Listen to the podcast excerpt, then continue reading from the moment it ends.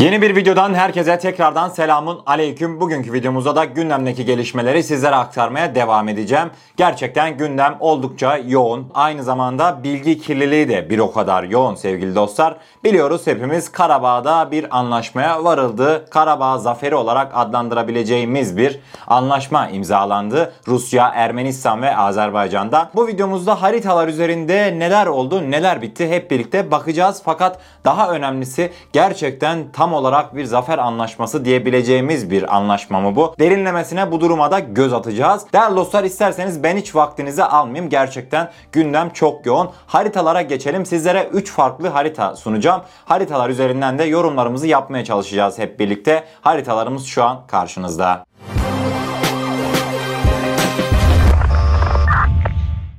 Sizlerle ilk olarak çatışma gündemi sayfasından almış olduğum Karabağ genel durum haritasını bir paylaşmak istiyorum. Görmüş olacağınız üzere sevgili dostlar gerçekten her şey açık bir şekilde belirtilmiş. Fakat sizlere haritaya geçmeden belirteyim 3 farklı haritaya göz atacağız. Gerçekten üçünde de bazı bölgelerin ne anlama geldiği tam manasıyla kestirilememiş. Hepsine farklı bilgiler mevcut. Bu yüzden farklı farklı haritaları sizlere paylaşacağım. Yani gündemde dönen tüm olaylardan haberdar olmanızı istiyorum. İlk olarak Rusya Barış Koruma Birliği Karabağ'da. Rus Barış Koruma Birliği'nin Karabağ'da olduğunu hepimiz biliyoruz. 1960 asker, 90 zırhlı personel taşıyıcı, 380 araç ve özel teçhizatla birlikte Rus Barış Koruma Birliği Karabağ'a geldi ve gelmeye devam etmekte. 1960 askerin hafif silahlı olduğu öğrenildi. Devamında ise en önemli nokta Rus ve Türk Barış Sağlama Merkezi kurulacak. Devamında isterseniz haritamıza detaylıca geçelim. Burada ilk olarak Kelbecer bölgesine bir bakalım. Kelbecer bölgesi 15 Kasım'dan önce önce Ermeni güçlerinin çekilmesi kararlaştırılan bölge. Böyle farklı farklı bölgelerden de Ermeni güçleri farklı farklı tarihlerde çekilecek. Devamında 1 Aralık'tan önce Ermeni güçlerinin çekilmesi kararlaştırılan bölge Laçin koridorunun üst tarafında kalan ve alt tarafında kalan bölge Kubatlı'ya kadar. Hemen altında ise Rus unsurların gözetimindeki 5 kilometre derinlikteki güvenlik koridoru. Yani değerli dostlar Laçin koridoru Rusların kontrolünde olacak. Ne Azerbaycan ne de Ermenistan silahlı kuvvetleri bu koridora giremeyecek. Bu gerçekten üzerinde çokça konuşulması gereken bir konu. Ruslar acaba bu bölgede ya da bulunmuş oldukları Karabağ'daki bölgelerde ne derece aktif olacaklar? Hangi olaylara izin verecekler? Hangi geçişlere izin vermeyecekler? Bunlar tartışılması gereken olaylar. Devamında Hankendi'ye Ermenistan'dan bir yol inşa edilecek. Buradaki amaç ise Hankendi'de yaşayan Ermenilerin Ermenistan'la bağlantısını kurmak. Aynı şekilde hemen birazdan göz açacağız. Zengilan'dan Nahçıvan'a da karşılıklı olarak yollar verildi. Oradan da Azerbaycanlı kardeşlerimiz Karabağ'a geçiş yapacak. Hemen üstünde statüsü olmadan fiili olarak Ermenistan kontrolünde kalacak bölge. Değerli dostlar çoğu haritada bu bölge farklı farklı dile getirilmiş. Hani bu haritamızda statüsü belli olmayan fiili bir bölge olarak gösterilmiş. Gerçekten asıl soru işareti oluşturan yani acaba bu anlaşma tam manasıyla zafer anlaşması mı dedirten bölge burası bana kalırsa. Çünkü gerçekten sevgili dostlar hani düşünüyorum acaba Azerbaycan ordusu savaşa devam etseydi bu bölgeleri zaten kontrol altına alırdı. Bundan dolayı buranın statüsü belli olmayan bir bölge olması açıkçası beni üzdü. Çünkü Şuşa'yı geçen bir ordu Hankendi ve Hocalı'yı da çok kısa bir süre içerisinde kontrol altına alabilirdi. Devamında Ağdam bölgesi. Ağdam bölgesinden de Ermenistan güçleri 20 Kasım'dan önce çekilecekler. Bu çekilme de Türk ve Rus kaynakları tarafından tamamıyla kontrol edilecek yani günlerine uyup uymadıkları. Azerbaycan'ın kontrolünde olan Azerbaycan'ın Karabağ operasyonunda kontrol altına almış olduğu bölgelerden hiç hiçbir şekilde kayıp yok. En azından bu sevindirici. Azerbaycan ordusu kontrol altına almış olduğu bölgelerde aynen hiçbir şart olmadan kendisi bulunabilecek. Devamında değerli dostlar sizlerle bizzat Türk resmi kaynaklarını da temsil eden Anadolu Ajansı'nın haritasını paylaşmak istiyorum. Yani Anadolu Ajansı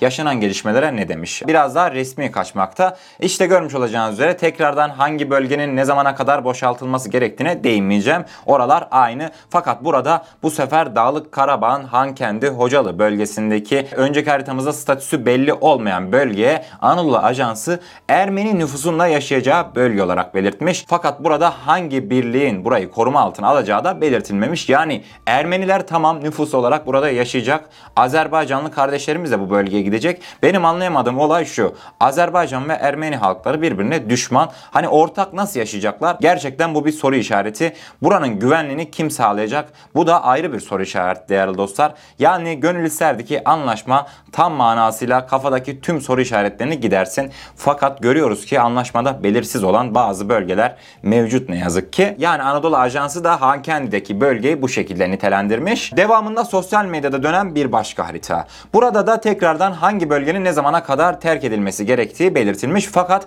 dikkat etmemizi istediğim bir nokta Hankendi bölgesine bu haritada Türk ve Rus barış gücü konuşlandırılacak demiş. Yani Anadolu Ajansı'nın Ermenilerin de yaşayabileceği bölge olarak belirttiği yeri Türk ve Rus barış gücü koruyacak diyor bu harita. Yani ne derece doğru gerçekten hani çok soru işareti var kafalarda. Herkes farklı şeyler söylüyor. Bunu ilerleyen süreçte hep birlikte öğreneceğiz sevgili dostlar. Haritadaki durum bu şekilde tam bir netlik yok sevgili dostlar. İsterseniz diğer gelişmelere göz atalım. Evet değerli dostlar harita üzerinden sunumumuzu yaptık. Ben bu sefer yapılan anlaşmanın özet halinde önemli maddeleri ve çekincelerinden sizlere detaylı bir şekilde paylaşmak istiyorum. İsterseniz başlayalım. Adam, Kelbecer ve Laçin, Laçin'in koridoru hariç olaraktan ileri Azerbaycan'a veriliyor. Dağlık Karabağ'daki cephe hattı boyunca ve Laçin koridoru boyunca Rus askerler konuşlanacak. Çatışan tarafların mutabakatlara uyup olmadığını denetlemek için ateşkes kontrol merkezi oluşturulacak ki burada Türk kuvvetlerinin bulunacağı söylenmekte. Karabağ ile Ermenistan'ın bağlantısını sağlayacak Laçin koridoru 5 kilometre genişliğinde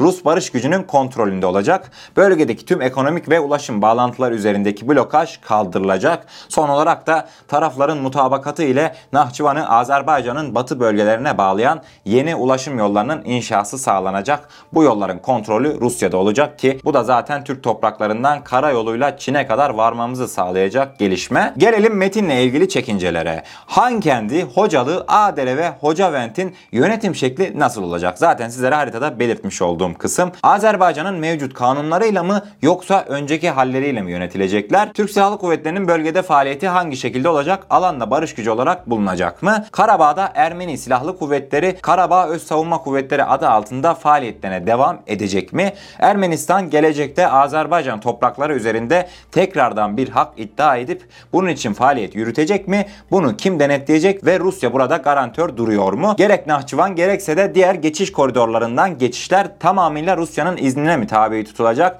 Burada Türk veya Azerbaycan askeri bulunacak mı? Ermenistan çekilmezse ne olacak? Ateşkes gözlem üssü tam net olarak nerede kurulacak? Karabağ'ın içinde mi yoksa dışında mı? Tarihler 1993'ü gösterdiğinde Ermeni-Azerbaycan savaşından sonra Ruslar bölgeye, sınır bölgesine Rus birliği koyalım derler. Fakat Haydar Aliyev o günün şartlarında tamam siz Rus birliğini koyun fakat Türk birlikleri de bölgede bulunmayacaksa ben bu anlaşmayı kabul etmem der ve anlaşma rafa kaldırılır. 1993'teki bu gelişme en azından günümüze de ışık tutabilir mi? Tabii ki değerli dostlar geçmiş dönemde böyle bir olayın yaşanması Türk barış gücünün bölgede yoksa Rusların da bölgede olmasının bir anlamı olmayacağını belirtmesi Haydar Aliyev'in bugünkü İlham Aliyev'in açıklamalarıyla bence benzer özellik taşımakta. Niye diye soracak olursanız Haydar Aliyev zaten geçmişte bu sorunun yanıtını vermiş. Ruslar eğer tek başına Karabağ'da olacaklarsa hiç olmasınlar demiş. Geçmiş zamandan günümüze ne değişebilir ki İlham Aliyev Karabağ'da sadece Rusların bulunmasını kabul edebilir. Yani değerli dostlar şuraya gelmek istiyorum. Türkiye Karabağ'da bulunacak mı? Bu sorunun cevabı evet. Kesinlikle evet. Bunu belirtelim öncelikle. Çünkü İlham Aliyev böyle bir karar olmadan zaten zafer kazandık diyemezdi ki. Eğer Türkiye zaten Karabağ'da bulunmayacaksa zafer de yoktur ortada bana kalırsa. Rusya'nın sadece hakimiyeti altında kalacaksa Karabağ. Tamam Türkiye bulunacak fakat ne yazık ki bu konuda da bazı belirsizlikler mevcut yine her zamanki gibi değerli dostlar. Rus Savunma Bakanlığı ayrı bir açıklama yapıyor. Putin farklı bir açıklama yapıyor. Değerli dostlar Rus Savunma Bakanlığı dün dedi ki Türkiye Karabağ'da bulunacak fakat Azerbaycan'ın Karabağ sınırında bulunacak. Yani Karabağ'ın içerisinde bulunmayacak. Azerbaycan sınırında bulunacak dedi Rusya Savunma Bakanlığı. Fakat devamında ise Putin Recep Tayyip Erdoğan görüşmesinin hemen akabinde Türkiye Karabağ'da bulunacak dedi. Yani değerli dostlar Putin'in söylediklerini daha ciddiye almamız gerektiğini düşündüğümden ötürü Türkiye Karabağ'da bulunacak. Fakat hangi koşullarda nerelerde bulunacağı tam bir netlik kazanmadı. Türkiye ve Rusya Karabağ'la alakalı ortak görüşmelerine de şu an halen devam etmekte. Evet değerli dostlar videomuzun ilk kısımlarında sizlere iyimser konuştum. Hani Türk barış gücünün de bulunacağını gerçekten hani zafer olarak belirtebileceğimiz bazı gelişmelerden size bahsettim en azından Karabağ'da. Fakat şimdi işin bir başka boyutuna geçmek istiyorum. Açıkçası kırılmaca gücenmece olmasın. Çünkü yani kağıt üzerindeki yaşanan gelişmelere bakaraktan bu yorumları yapacağım. Katılırsınız katılmazsınız sizin görüşünüzdür. Fakat değerli dostlar bana kalırsa Rusya'nın Azerbaycan'a Karabağ müdahale olması tam bir felaket. Niye diye soracak olursanız zaten Azerbaycan ordusu geçmiş videolarımızda belirtmiştik hızını almış gidiyordu. Yani Şuşa'yı aldıktan sonra Han kendi yoğun bir bombardımandaydı. Zaten Ermenistan Başbakanı Paşinyan da bunu belirtti. Bir günde yaklaşık 150-200 tane asker kaybı verdik Han kendi de dedi Şuşa operasyonundan hemen sonra. Yani Azerbaycan ordusu aslında tamamıyla bölgeleri ele geçirecekti. Fakat ne yazık ki Rusya yine her zamanki Rusya araya girdi ve allem etti, kullem etti bir şeyler yaptı sevgili dostlar. Ortaya böyle bir anlaşma çıktı. Şimdi değerli dostlar biraz Rus defterini açmak istiyorum. İsterseniz sevgili dostlar Rusların Türkiye'ye karşı engellemiş olduğu operasyonlara yakından bir göz atalım. Rus defterini derinlemesine bir açalım hep birlikte. Rusya'nın son 1-2 senede engellediği operasyonlar Kobani Menbiç operasyonu Suriye'nin kuzeyinde gerçekleşecekti. Esad rejiminin gözlem noktalarının dışına atma ve M5 Serakip operasyonu İdlib'de gerçekleşecekti. Sirte Cufra operasyonu Libya'da gerçekleşecekti. Bugün de Azerbaycan Karabağ'da tekrardan karşımıza bir Rus engeli takıldı sevgili dostlar. Karabağ'da gelişmeler devam ederken tüm iştenliğimle söyleyebilirim ki Azerbaycan ordusunun artık tek başına tam manasıyla Karabağ'ı kurtaracağını düşünmekteydim. Fakat ne yazık ki korktuğum şey başıma geldi. Değerli dostlar ben açık konuşacağım. Ruslar deyince benim aklıma devriyeler geliyor. Yani bundan sonraki süreçte de ortak devriye olsun ya da sadece Rus devriyesi olsun.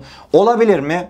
Büyük ihtimalle yaşanan gelişmeler ne yazık ki bunu göstermekte. Rus devriyelerin de zaten örneklerini verdim engellemiş olduğu operasyonlar. Yani bunların çoğunu devriye bahanesiyle engelledi Rusya. Rus devriyelerinin tek sebebi ya karşıdakini güçlendirmek istiyor. Hani gücünü yerine toparlamasını istiyor Rusya. Ya da bizi oyalıyor daha da ileriye gidemezsiniz diyor Türkiye'ye. Değerli dostlar bu devriye olayını Türkiye Cumhuriyeti bir an önce çözmeli. Yani şimdi şuna geleceğim. Tamam Karabağ'da bir zafer diyebiliriz fakat Rusya'nın Karabağ'a girmesi ya Suriye'de yapılacak olası bir operasyonu da tetikleyecek olursa. Nasıl tetikleyecek olursa? Yani biz Suriye'ye biliyorsunuz beton blokajlar kaldırılmaya başlandı. Resmi olarak Biden göreve gelmeden Suriye operasyonunun başlanması şu an medyada gündemde. Acaba Suriye operasyonu başladıktan sonra Karabağ'da yaşanan gelişmeleri Türkiye'ye karşı Rusya bahane ederse neler yaşanacak? Bu sorunun cevabını kim verecek? Zaten karşımıza bir Libya örneği vardı. Bu sefer de Karabağ'da hiç bulunmayan Rusya bir anda Karabağ'a girdi. Olayları biz de anlayamadık. Niye böyle gelişmeler yaşandı? Gönül isterdi yaşanmasın. Değerli dostlar yani sizlere şunu diyebilirim. Olası Suriye operasyonunda Türkiye'nin Suriye'de yarıda kalan operasyonunun devam etmesiyle birlikte acaba Rusya Karabağ'daki gelişmeleri Türkiye'ye karşı bir koz olarak kullanır mı? Bu sorunun cevabını açıkçası merak ediyorum değerli dostlar. Yorumlarda görüşlerinizi belirtebilirsiniz. Bana kalırsa Rusların Karabağ'a girmesi pek de iyi olmadı. Tekrardan belirtiyorum benim inanın tek üzüldüğüm nokta Azerbaycan olarak tek başımıza yani Karabağ tamamıyla kurtarabilecekken geliyor Ruslar ortaya çıkıyor devriye işte belli olmayan bölgeler kimin olduğu belli olmayan bölgeler ortaya çıkıyor. Gerçekten bu durum beni çok üzdü. Kısa zamanda da büyük ihtimalle Laçin koridorunda devriye muhabbeti çıkartacaklar. Yani Rusların oyalama taktiği ne yazık ki bir manasıyla da Karabağ'da da gerçekleşti diyebiliriz bana kalırsa. Ama altını çiziyorum bu bir zafer anlaşması değildir demiyorum. Benim üzüldüğüm tek nokta Azerbaycan ordusu zaten bu bölgeleri kontrol altına alacaktı tamamıyla. Niye Ruslar devreye girdi? Bundan sonraki süreçte sevgili dostlar buna da şükür deyip kenara mı çekileceğiz? Yoksa bizim zaten operasyonumuz yarım kalmıştı. Çekil oradan Rusya. Biz Karabağ tamamıyla özgürleştireceğiz mi diyeceğiz. Zaman gösterecek bunu da sevgili dostlar. 5 yıllık bir garantörlük ne kadar güvenceli? Garantörlüğün detayları dahi hiçbir yerde yok. Soru işareti çok. Fakat inşallah iki devlet içinde Türkiye ve Azerbaycan içinde hayırlısı olur. Bunu belirtmek istedim sevgili dostlar. Karabağ'daki olaylar bu şekilde. Belirsizlik hakim tek kelime yani başka bir şey diyemeyiz. Zafer olarak adlandırıldığını söyleyebiliriz. Çünkü 30 yıllık bir işgalden söz etmekteyiz. Böyle bir tablo karşımıza çıktığında da yine zafer olarak nitelendirebiliriz. Fakat sizlere belirtmiş olduğum üzere bazı kafa karmaşıklıkları mevcut. Sizler ne yorumlarsınız? Sizler bunu zafer olarak mı yorumlarsınız? Yoksa Rus başarısı gibi mi? Orasını bilemem. Tamam zafer bizim zaferimizdir. Sevinelim. Fakat artısıyla eksisiyle bu zaferi de bence kağıt üzerinde önümüze koyup değerlendirelim. Değerli dostlar gelişmeler bu şekildeydi. Sizlerle yine önümüzdeki günlerde de tüm gelişmeleri paylaşmaya devam edeceğim. Yorumlarda görüşlerinizi belirtebilirsiniz. Açıkçası sizin yorumlarınızı da çok merak ediyorum. Acaba ne düşünüyorsunuz bu konuda Karabağ'daki anlaşma konusunda? Değerli dostlar ilk defa kanalımıza gelmekteyseniz kanalımıza abone olarak bizlere destek olabilirsiniz. Videomuzu gerçekten beğenmişseniz beğenirseniz çok mutlu oluruz diyorum ve kendinize çok iyi bakın. Allah'a emanet olun. Her şey istediğiniz gibi olsun. Sağlıcakla.